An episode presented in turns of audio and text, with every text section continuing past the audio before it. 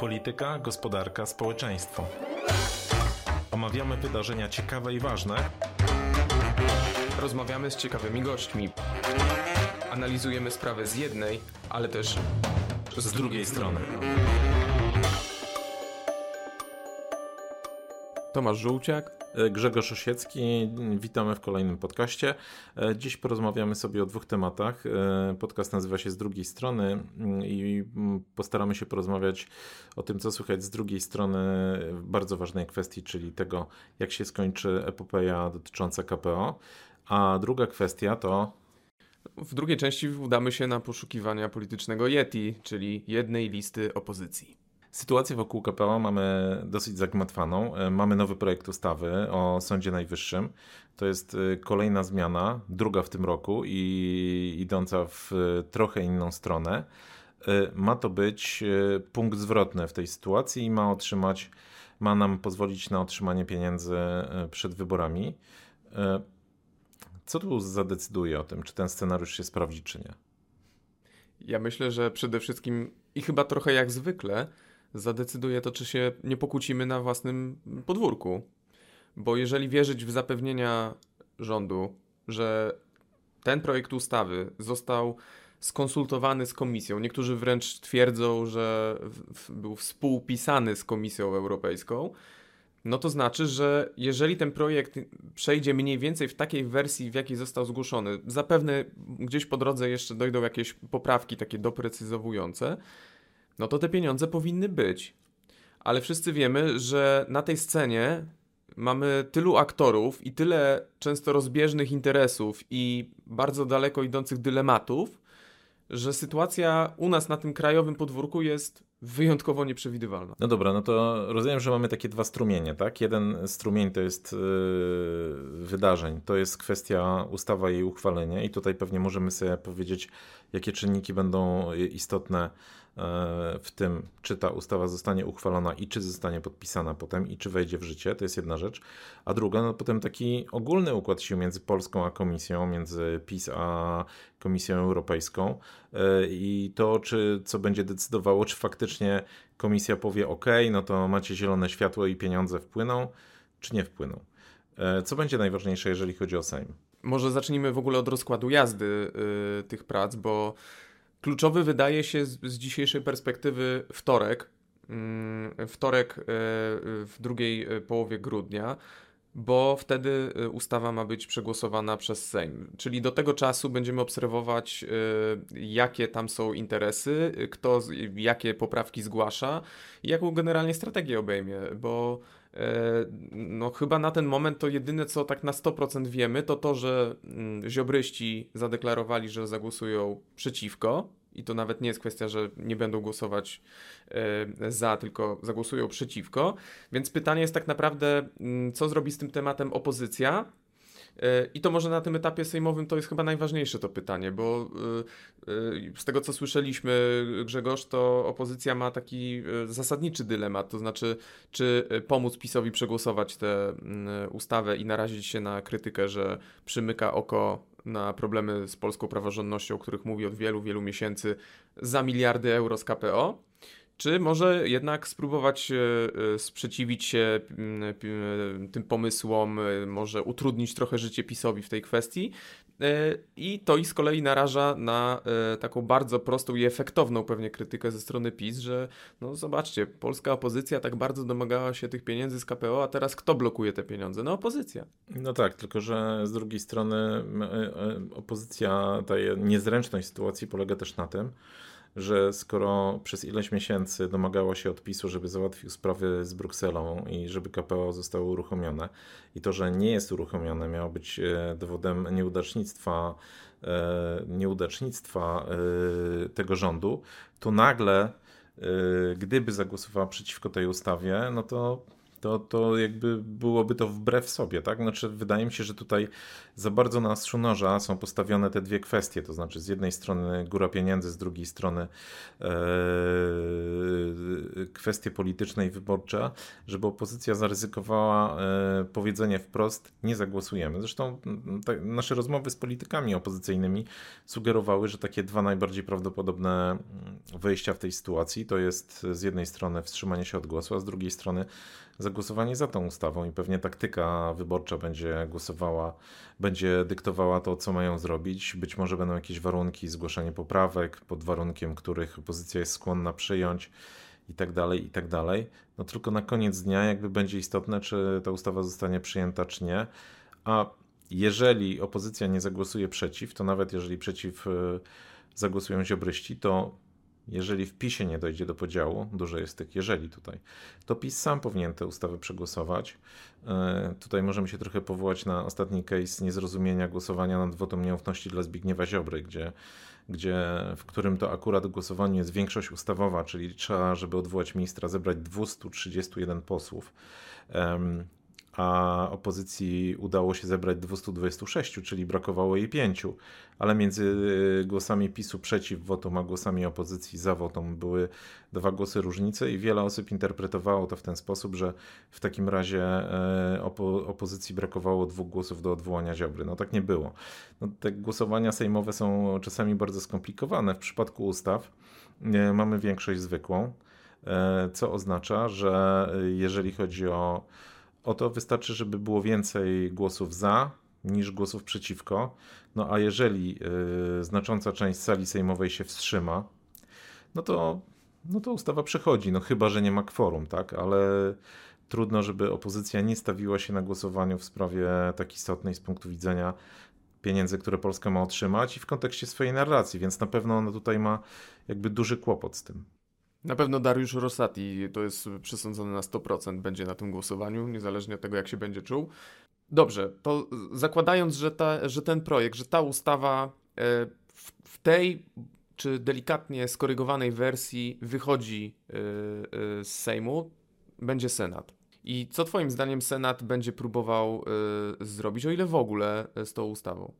Myślę, że w tej chwili to jest trudno przewidzieć, bo dla mnie wszystkie opcje są otwarte. Może z wyjątkiem jednej, z wyjątkiem odrzucenia tej ustawy, no bo, bo z tym byłby duży kłopot. Natomiast no albo to jest przyjęcie ustawy bez poprawek, yy, ale to pewnie wymagałoby jakiegoś takiego szerszego porozumienia czy dorozumienia z, obo z obozem rządowym, ewentualnie wrzucenie jakichś poprawek senackich yy, i mówienie, że jakby dopiero one sprawiają, że ta ustawa E, konsumuje jakby ugodę z Brukselą, czy nie wiem, konsumuje kamienie milowe.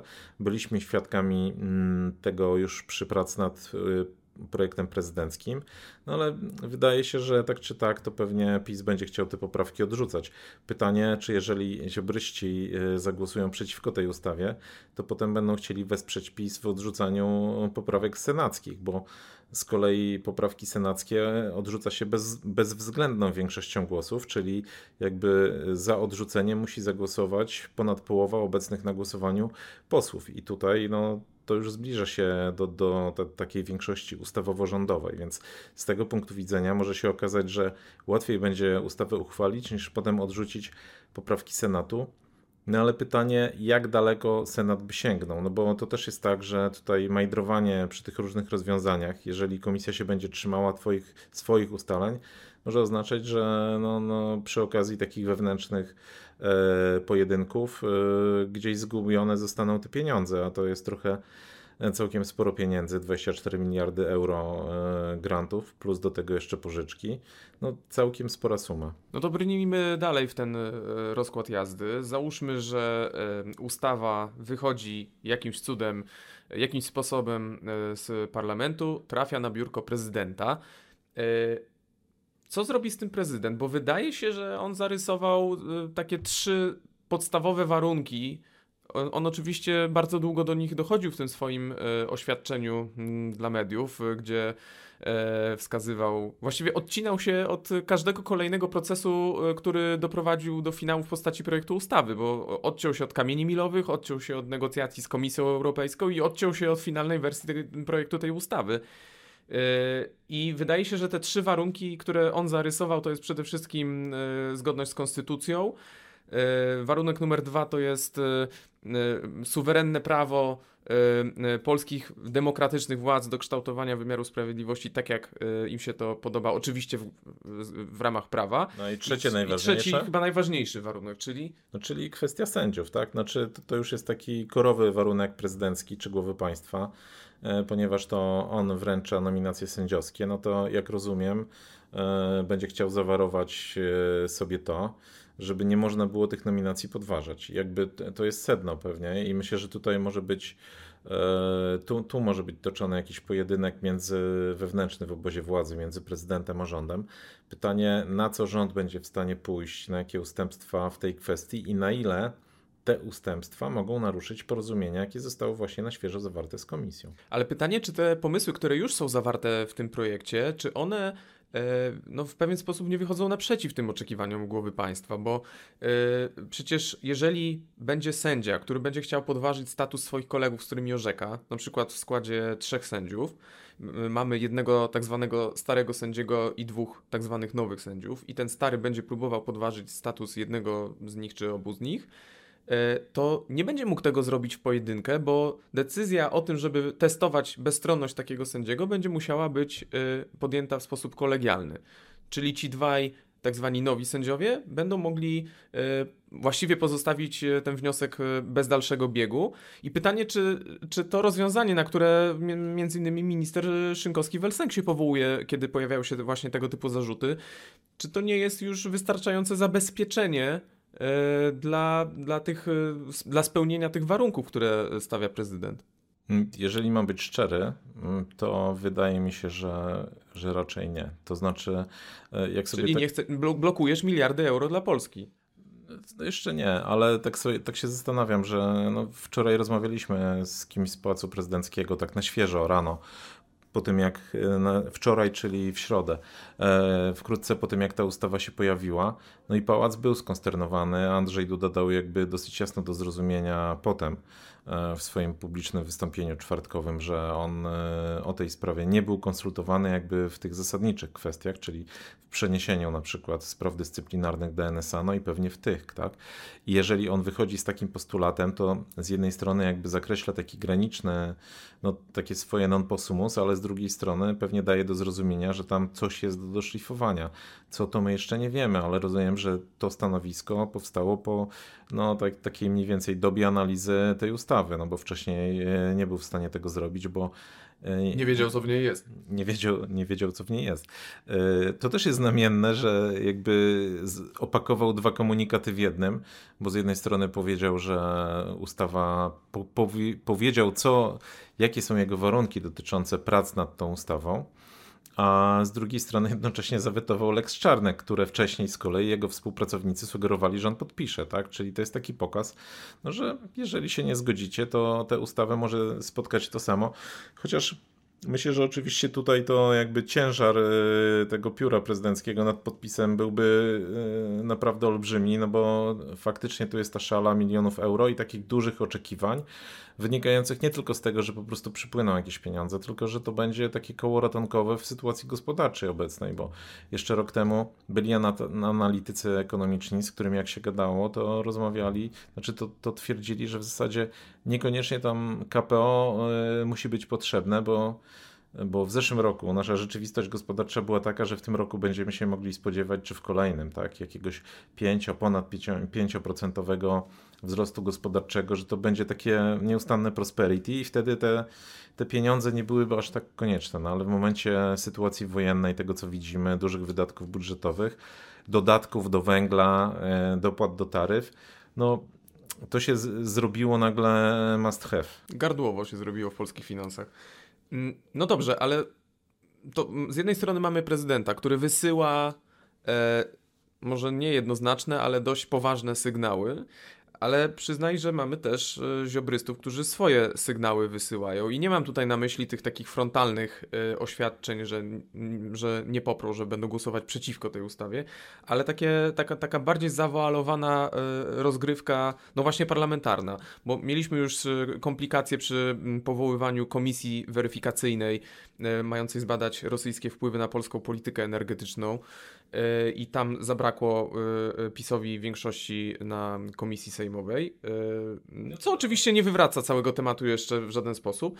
A druga, druga rzecz, no to słyszymy, że ziobryści domagali się na przykład przywrócenia uprawnień czy kompetencji ministrowi Ozdobie, wiceministrowi klimatu, e, który za chyba nadmierną krytykę premiera został tych kompetencji tymczasowo pozbawiony, grożąc tym, że jeżeli to tak się nie stanie, to nie poprą ustawy budżetowej na przyszły rok. Okej, okay, tylko twoim zdaniem to co tu nastąpi? No bo mamy do wyboru dwa warianty. Jeden wariant to jest powtórka z głosowania ustawy o zasobach własnych Unii, a drugi coś, do czego nie doszło jeszcze, tak? Znaczy wyjście ziobrystów z rządu albo ich usunięcie z rządu, z rządu. i jakby który wariant jest bardziej na, na topie? Szczerze mówiąc, to rozmawiając zarówno z ziobrystami, jak i z przedstawicielami PiSu, ja bym obstawiał cały czas pierwszy wariant, czyli powtórkę z zeszłego roku, kiedy ziobryści, no, walcząc o własną tożsamość w tej kwestii, zagłosowali przeciwko Funduszowi Odbudowy i zasobom własnym Unii Europejskiej. E, chwilowe było takie napięcie wyczuwalne, ale ostatecznie e, wszyscy się pogodzili, bo jednak cały czas, i myślę, że to jest też powód dla aktualnej sytuacji, cały czas e, żywe i, i realne jest to przekonanie, że jak nie my, to przyjdzie Donald Tusk. Ja się zastanawiam, no bo czy, czy ta ustawa może być takim prawdziwym kazus belli do tego, żeby e, z ziobrystami nastąpił ostateczny rozbrat? Pewnie zgadzam się z tobą, że raczej nie, ale tego nie możemy być przekonani, bo jeżeli takie będą potrzeby polityczne PiSu albo ziobrystów, tych ostatnich nie za bardzo się na to zanosi, e, to pewnie do czegoś takiego mogłoby dojść, ale to, to, to musiało być pewnie jakieś takie kompletne, e, kompletny rozbrat i kompletna różnica zdań dotycząca list wyborczych, bo ja się zastanawiam, czy gdzieś w tle tych całych dyskusji o KPO, o suwerenności, nie czają się dyskusje dotyczące list wyborczych, bo z punktu widzenia ziobrystów to to będzie bardzo istotne, no bo e, ta kadencja, tak już mówiąc brutalnie, ona się powoli e, kończy. PiS będzie grało drugą kadencję, widać, że tam są takie apetyty. Bez ziobrystów może e, nie móc tego zrobić, jeżeli zdecyduje się na jakiś podział. Natomiast jeżeli będzie szedł z ziobrystami, no to trzeba się ułożyć na listach, a tu na pewno będzie tak, że Zbigniew Ziobro będzie chciał jakby odpowiednią pozycję także w przyszłej kadencji. Pytanie, czy w, w aktualnych y, uwarunkowaniach polityczno-parlamentarnych y, Zbigniew Ziobro y, podjął w ogóle te dyskusje o listach? Bo on chwilę temu miał takie małe okienko, żeby poruszyć ten temat. Bo jeżeli on teraz deklaruje, że on i jego ludzie zagłosują przeciwko ustawie dotyczącej, czy mającej odblokować pieniądze z KPO, no to pytanie, czy jeżeli PiS nie wyjdzie z jakąś propozycją, na przykład dotyczącą miejsc na listach, czy Ziobro nie zmięknie? Nie, no czy myślę, że po to stanowisko zostało głośno zaprezentowane, żeby już nie było jego zmiany. Natomiast pytanie, co się będzie działo gdzieś tam pod spodem, tak? Bo myślę, że do wiosny kwestia list wyborczych powinna się wyjaśnić. I to pewnie zamyka ten wątek o KPO, o którym mówimy, bo warto porozmawiać a propos list wyborczych o listach wyborczych i to o listach wyborczych opozycji.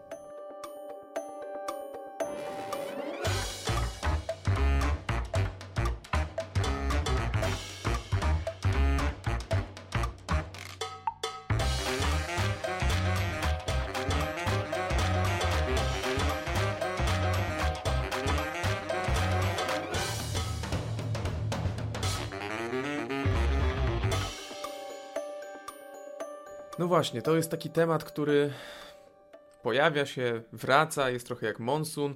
Niektórzy mówią, że jest jak Yeti, wszyscy o nim mówią, nie wiadomo gdzie jest. No to może zastanówmy się, e, jaki wariant startu opozycji jest na dzisiaj e, najbardziej, może nieoptymalny, bo to w, zależy kto liczy i co liczy, ale może który jest najbardziej według ciebie prawdopodobny? No to faktycznie e, lepsze jest wrogiem dobrego, nie? Tutaj. E, tu, co jest tym lepszym? Tu, tu to powiedzenie może wyjść. No, lepsze w myśli jakby na przykład największej partii opozycyjnej, czyli Platformy, to jest jedna lista. A z kolei, e, z kolei zdaniem na przykład ludowców to jest jednak pójście w kilku blokach. Więc jak na razie wariantem bazowym jest chyba e, pójście w blokach trzech, tak mi się wydaje. To znaczy Platforma Lewica plus pewnie jakieś porozumienie Hołownia Ludowcy, ale to też nie jest przesądzone, bo równie dobrze możemy mm, zobaczyć, że partie opozycyjne pójdą w czterech blokach. blokach. To, co, e, to, co możemy sobie jakby uświadomić, to to, że jak robimy nasze sondaże e, z RMFM, z United Surveys, to mniej więcej w tym roku większość sondaży pokazywało, że no, przynajmniej sporo, tak, od, od pół roku mniej więcej regularnie, że bez względu na, na różne konfiguracje, no to rządzi y, opozycja, nawet jeżeli idzie w takim kształcie, w jakim jest teraz. Więc z tego punktu widzenia, to jakby jak na razie jak y, to liderzy partyjni, jak patrzą sobie na sondaże, to mają taki komfort, tak? Ale ten komfort znika, jak y, zaczynają zastanawiać się nad tym, co będzie za 10 miesięcy, jak będzie wyglądała kampania wyborcza, jaka będzie jej dynamika, czy na przykład nie nastąpi jakieś zjawisko e, takiej śnieżnej kuli, tak? zbierania głosów na największego, na co liczy Platforma Obywatelska. To znaczy, że mm, wyborcy na przykład, nie wiem, Szymona Hołowni, a może część wyborców lewicowych, pewnym momencie zacznie się orientować e, i na Platformę, bo ona jakby jest głównym przeciwnikiem PiSu, e, bo ona ma największe szanse, żeby wygrać i to może wtedy powodować, że no, tam się pojawi znak zapytania, czym przejdziemy przez wyborczy próg, tak? Więc pod tym kątem myślę, będą podejmowane decyzje. Oczywiście druga kwestia to są sprawy ideowe, no bo tutaj w zasadzie każdy z każdym ma jakieś niedopasowanie. No właściwie tak, bo nawet jeżeli sobie spróbujemy gdzieś w myślach ukuć ten blok platformo-lewicowy, platformiano-lewicowy, no to po jednej stronie słychać, y, po stronie platformerskiej, słyszeliśmy takie głosy, że no dobrze, możemy iść razem, tylko jaką mamy gwarancję, że gdzieś nie powstanie jakaś alternatywna partia lewicująca, że nie powstanie taka druga wiosna, która ten układ de facto rozbije. E, z kolei po stronie lewicy słyszymy, no dobrze, możemy iść z platformą, tylko jaką mamy gwarancję, że partia razem się nie wyłamie? Więc yy, nawet jeżeli, yy, ja już pomijam sytuację, w której ktoś ewidentnie nie chce iść pod czyimś sztandarem. Na przykład Władysław Kosiniak-Kamysz ma chyba do dzisiaj traumę po tej po koalicji europejskiej, ale no w, nawet w sytuacji, w której ktoś teoretycznie chce z kimś pójść, czy dopuszcza taką możliwość, no widzi, jakie to rodzi ryzyka. To jest zresztą też ryzyko cał całej idei Donalda Tuska dotyczącej jednej listy. No, nawet Donald Tusk, nawet tak wszechpotężny polityk po stronie opozycji, on nie jest w stanie przewidzieć sytuacji i zabezpieczyć tę jedną listę przed wariantem, w którym właśnie taka wiosna no, wbija się klinem w te ustalenia. No z jedną listą to chyba jest, są dwa problemy. Jeden jest ten, o którym ty mówiłeś, czyli e, to, czy faktycznie e, uda się uniknąć podziału na opozycji i czy w ostatniej chwili e, jakaś frikowa partia nie wyskoczy. Taki polityczny I, meteor. No tak, tak. No to, to w, wtedy w wyborach europejskich to był e, Robert Biedroń i jego wiosna, no i to faktycznie jakby popsuło szyki opozycji. Ale z drugiej strony jest pytanie, na ile ta jedna lista faktycznie będzie zbierała elektorat opozycyjny. To znaczy, i to jest takie pytanie, na które bardzo trudno jest odpowiedzieć, bo matematycznie, no to wydaje się, że ona ma największe szanse. To znaczy, no jak się sumuje liczbę wyborców wszystkich ugrupowań, które, tworzą teraz opozycję antypisowską, no to ewidentnie jakby y, gdyby to przekuć w y, jedną listę, to ta przewaga byłaby miażdżąca, ale y, no, wybory mają swoją dynamikę, walka wyborcza także niektórzy wyborcy mogą się na tej jednej liście nie zmieścić. To znaczy, no, wyborcom partii Razem może na przykład przeszkadzać Donald Tusk na jednej liście, a z kolei, nie wiem, wyborcom takim centrowym czy o nastawieniu konserwatywnym może z kolei przeszkadzać lewica, tak? I to, Zwłaszcza ta progresywna. No wie, wiele będzie zależało od dynamiki kampanijnej. Jeżeli opozycja będzie w stanie pokazać jakąś taką spójną narrację i, tą, i tej narracji będzie w stanie bronić, no to jedna lista faktycznie może być najlepszym rozwiązaniem, ale jeżeli nie, no to jakby yy, to, to, to wtedy pewnie lepsze są z punktu widzenia opozycji jakieś poszczególne bloki. W maju robiliśmy takie badania, gdzie był podział na dwa bloki i był podział na jeden blok. I w przypadku dwóch bloków yy, PiS miał 203 głosy i 15 głosów miała Konfederacja, co no, oznacza 218 głosów czyli resztę, większość rządową miała opozycja, podzielona na, dwa bloki, czyli właśnie e, Platforma z Lewicą i Koalicja Polska z Szymonem Hołownią. A z kolei mm, drugi blok, w wariancie jednego bloku PiS miał 217 głosów, Konfederacja miała 9, czyli to robiło no już nam 226 głosów, a 234 miała Zjednoczona Opozycja. Mm, w obu przypadkach opozycja wygrywała. No ale pokaz, pokazuje ten sondaż, y, że jednak nie zawsze miałaby szansę na to, żeby, że y, w dwóch blokach teoretycznie ma szansę na, y, na to, żeby tych mandatów mieć więcej. Ale to jest wielki znak zapytania, no bo to wszystko zależy od kampanii. Pytanie też, gdzie w tym wszystkim Polska 2050 Szymona Hołowni bo e, on do niektórych z tych ustaleń no, trzyma klucz w ręku. To znaczy, to od jego decyzji, do kogo się przytuli albo kogo do siebie przytuli e, w ramach budowy tych bloków e, opozycyjnych, no zależy dalsza część tej układanki. No i teraz jest pytanie, po pierwsze, czy on będzie wolał przytulić kogoś, czy będzie wolał być przytulonym? I właściwie i w jednym, i w drugim z tych wariantów, czy może ufać swoim ludziom, bo w ostatnich dniach, jak rozpytywaliśmy o to w Sejmie, słyszeliśmy często takie głosy, że Hołownia no nie może być na 100% pewien swoich ludzi, a nawet jeżeli jest ich pewien, no to przepraszam, ale w dużej mierze on będzie na listy wystawiał no-name'ów. Tutaj cytuję jednego z naszych rozmówców, yy, którzy no niekoniecznie będą stanowili yy, wartość dodaną w kontekście no, budowania tych lokomotyw yy, dla list. Więc jak Twoim zdaniem Hołownia tutaj postąpi w tej całej układance? Jeżeli weźmiemy sobie przykłady poprzednich takich partii meteorów, mm, Mieliśmy przykład Palikota, Nowoczesnej, mieliśmy przykład Cookies 15. No to, to, to były tego typu ugrupowania, które pojawiały się wkrótce przed wyborami, no a potem się okazywało, że faktycznie miały kłopoty personalne. Natomiast y, ja zwracam uwagę, że jakby Hołownia no, działa od wyborów prezydenckich, to jego um, ugrupowanie cały czas z takimi no, mm, y, sporymi notowaniami utrzymuje się w sondażach no, już od y, dwóch lat, tak?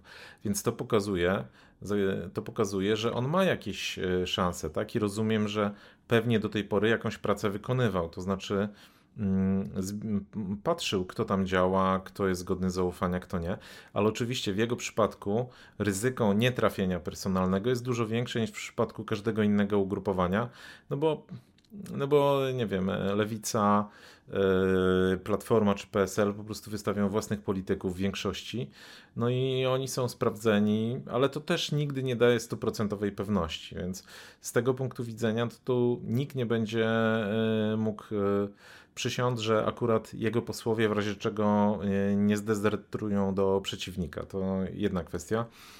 Zupełnie inny temat jest taki, czemu służy głosowanie, czemu służy ta dyskusja jednej liście w tej chwili? Bo ja się zastanawiam, na ile faktycznie to jest dyskusja o tym, jakie są optymalne szyki dla opozycji, a na ile to jest dyskusja taka bardzo bieżąca, to znaczy, która służy budowaniu pozycji e, przez Platformę Obywatelską, budowaniu pozycji przez ludowców, no bo widzimy jakby kolejny okres napięcia między ludowcami a Platformą. To jest taka sinusoida. Donald Tusk musi odejść, rzekł Marek Sawicki na łamach jednego z tabloidów. No bo oni się, ludowcy, jak rozumiem, się boją, że zostaną przez platformę, znaczy te wszystkie mniejsze ugrupowania pewnie obawiają się właśnie tego efektu śnieżnej kuli, tak? Więc e, takie narastające dyskusje czy opór, no to jest próba ustawiania się w blokach startowych na tej bieżni przedwyborczej i z tego punktu widzenia to trudno jest jakby się dziwić, tak? Tak samo jak trudno się dziwić Tuskowi, że próbuje narzucić narrację o jednej liście, no bo w naturalny sposób on jako lider najsilniejszej partii i e, potencjalny kandydat na premiera e, w takim układzie, jeżeli wybory zostaną wygrane, no to w takim układzie on ma jakby najsilniejszą pozycję i to on może rozdawać karty. No chyba, że komisja weryfikacyjna zakaże mu pełnienia funkcji publicznych przez y, okres 10 lat, ale chyba marne szanse, żeby ta komisja y, zdążyła to zrobić przed wyborami. To zastanówmy się jeszcze nad jedną rzeczą, bo wydaje mi się, że to pokazuje skalę tego takiego napięcia e, w tych rozmowach e, o tych potencjalnych e, blokach po stronie opozycji, czyli pakt senacki. To jest rzecz, którą przecież opozycja ma już sprawdzoną w boju, już przećwiczone. I mimo to widzimy, słyszymy po naszych rozmowach, że jest jakiś problem żeby w ogóle to ogłosić, że tak, idziemy z tym paktem senackim, a może yy, i dopiero wtedy zająć się nazwiskami, a może najpierw ustalmy nazwiska i dopiero potem to ogłośmy, a w ogóle kiedy to ogłosić? Yy, co Twoim zdaniem tam się dzieje i czy, te, czy ten pakt senacki to jest taka oczywista oczywistość, czy to jest jednak inicjatywa, któr nad którą gdzieś tam zawis, zawisł taki yy, mały, ale jednak znak zapytania? Ja też tutaj widzę, tak jak w tej dyskusji jednej liście, to widzę przewagę taktyki nad e, strategią, czy nad takimi docelowymi rozstrzygnięciami. No bo wydaje mi się, że jeżeli trwają te dyskusje, jeżeli ktoś chciałby ogłaszać na przykład e, ten pakt senacki, który przypominam, już został ogłoszony. Była taka konferencja w Senacie liderów e, ugrupowań opozycyjnych i tam była mowa o tym, że pakt będzie.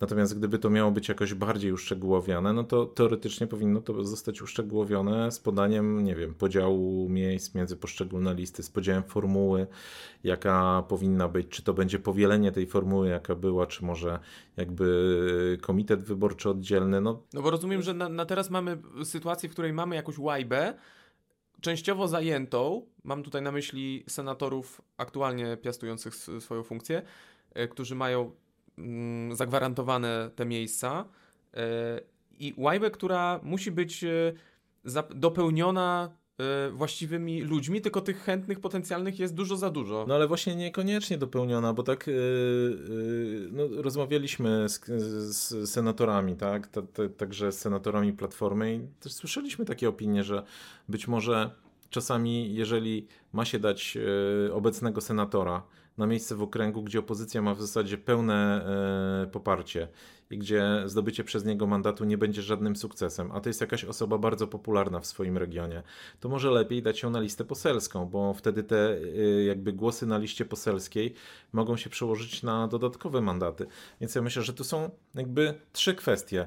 Po pierwsze, to jest podział jakby tego tortu. Y, znaczy, po pierwsze, są oczekiwania senatorów, którzy tam są w Senacie, że oni dalej chcą być e, senatorami. E, to jest jedna rzecz. Dwa, to jest ten podział tortu, który się ma rozegrać, tak? No bo to opozycja szykuje się, e, liczy na powtórzenie, czy raczej na powiększenie sukcesu, bo to, co słyszymy, to jest, liczy nawet na ponad 60 mandatów. No słyszeliśmy taki już podchodzący pod 70 nawet miejscami. No tak, ale to, to, to czasami to może wyglądać trochę jak na dzielenie skóry na niedźwiedziu, tak? I teraz na, na, na te potencjalne mandaty, ale przypuśćmy, że jakby nawet opozycja ma do, do rozdysponowania to co, to, co obecnie, no to trzeba nałożyć apetyty partyjne. No w poprzednim e, pakcie senackim Hołowni nie było. No to trzeba jego apetyty jakoś uwzględnić, tak? A jeżeli on na przykład ma apetyty dotyczące poparcia, e, które Żeby ma w tyle, sondażach, tyle tak? miejsc, ile poparcia, no tak? No to to już, już robi się wąsko dla tych obecnych senatorów. Mamy sytuację lewicy, bo jakby właśnie dwójka e, naszych... Tak właśnie, nie ma tak, no, aktualnie. No, bo pani wicemarszałek Senatu właśnie z, wynika z najnowszych informacji, że miałaby startować z list Platformy Obywatelskiej. Więc jakby lewica też się będzie dobijała o swoje, to samo ludowcy. Więc to jest bardzo skomplikowana sytuacja taka taktyczna. I ja rozumiem, że z jednej strony z jednej strony pewnie strategia kampanijna z punktu widzenia opozycji e, wymagałaby, żeby wysyłania jakichś pozytywnych sygnałów do wyborców, tak? Jest, dogadujemy się, jest ciągły postęp i tak dalej, i tak dalej. E, I to mogłoby, rozumiem, że też, że Platforma do tego pili, bo taki komunikat o tym, że tutaj jest jakieś bardziej konkretne porozumienie zawarte, to byłby no, kolejny krok w narracji o wspól, wspólnej liście. Natomiast z drugiej strony, dopóki nie ma konkretów, no to ciężko taki komunikat z siebie wydać. A tu są, e, no są hamulcowi, tak? No, e, jeżeli ktoś powie, że się dogadał, e, a się nie dogadał, to dotyczy zwłaszcza drobniejszych ugrupowań, ludowców, lewicy, no to potem może być problem z tym, żeby wywalczył tyle, ile chciał wywalczyć. Więc my jesteśmy na takim wstępnym etapie i pewnie opozycja będzie musiała w przeciągu miesiąca i dwóch, tak samo jak mówiliśmy o PiSie i o ziobrystach, podjąć decyzje strategiczne, to w przypadku opozycji też powinno to nastąpić mniej więcej w tym czasie, bo potem trudno będzie chyba jakby ukuć jakąś spójną opowieść dla wyborców pod tytułem dlaczego idziemy razem, albo dlaczego idziemy w dwóch blokach, w trzech, a dlaczego blok senacki wygląda tak, a nie inaczej. Poza tym to, co już e, e, wielokrotnie mówiliśmy tak w swoich dyskusjach, że pierwsze wrażenie robi się tylko raz, więc y, trzeba też odpowiednio sobie wykalkulować, kiedy ogłosić to porozumienie. No kto wie, no może już jakieś porozumienie, porozumienie choćby wstępne jest, tylko teraz jesteśmy świadkami trochę takiego teatru, trochę takiego napinania mózgów, ale tak naprawdę wszyscy czekają na ten odpowiedni moment, żeby to zrobiło wrażenie i żeby pokazać, że no mimo tych wszystkich różnic, które nas dzielą, stanęliśmy w prawdzie i stwierdziliśmy, że trzeba zrobić wszystko, żeby PiS pokonać. Oto my. Wygląda na to, tak już trochę konkludując, że E, pierwszy kwartał przyszłego roku, 2023, będzie intensywny, bo będą i pieniądze z KPO, i opozycja się określi, jak startuje do Sejmu, jak startuje do Senatu. No dużo się będzie działo. Tak, tym bardziej, że takim e, bodźcem dla opozycji może być e, to, w jaki sposób E, wyborcy odbiorą, e, jeżeli faktycznie dojdzie do tego, uruchomienie pieniędzy z KPO. No bo to może być taki zwrot w sytuacji, który e, da PiSowi kilka punktów procentowych, no i no i to, to też na nowo może ułożyć wtedy dyskusję o tym, ile list. To każdy dostanie tutaj argumenty dla siebie, no ale to jeszcze zostało nam pewnie, musimy poczekać do nowego roku, a przede wszystkim do zakończenia prac nad tą ustawą. Dziękuję bardzo. Grzegorz Osiecki i Tomasz Żółciak. Zapraszamy do kolejnego podcastu. Polityka, gospodarka, społeczeństwo. Omawiamy wydarzenia ciekawe i ważne. Rozmawiamy z ciekawymi gośćmi. Analizujemy sprawę z jednej, ale też z, z drugiej strony. strony.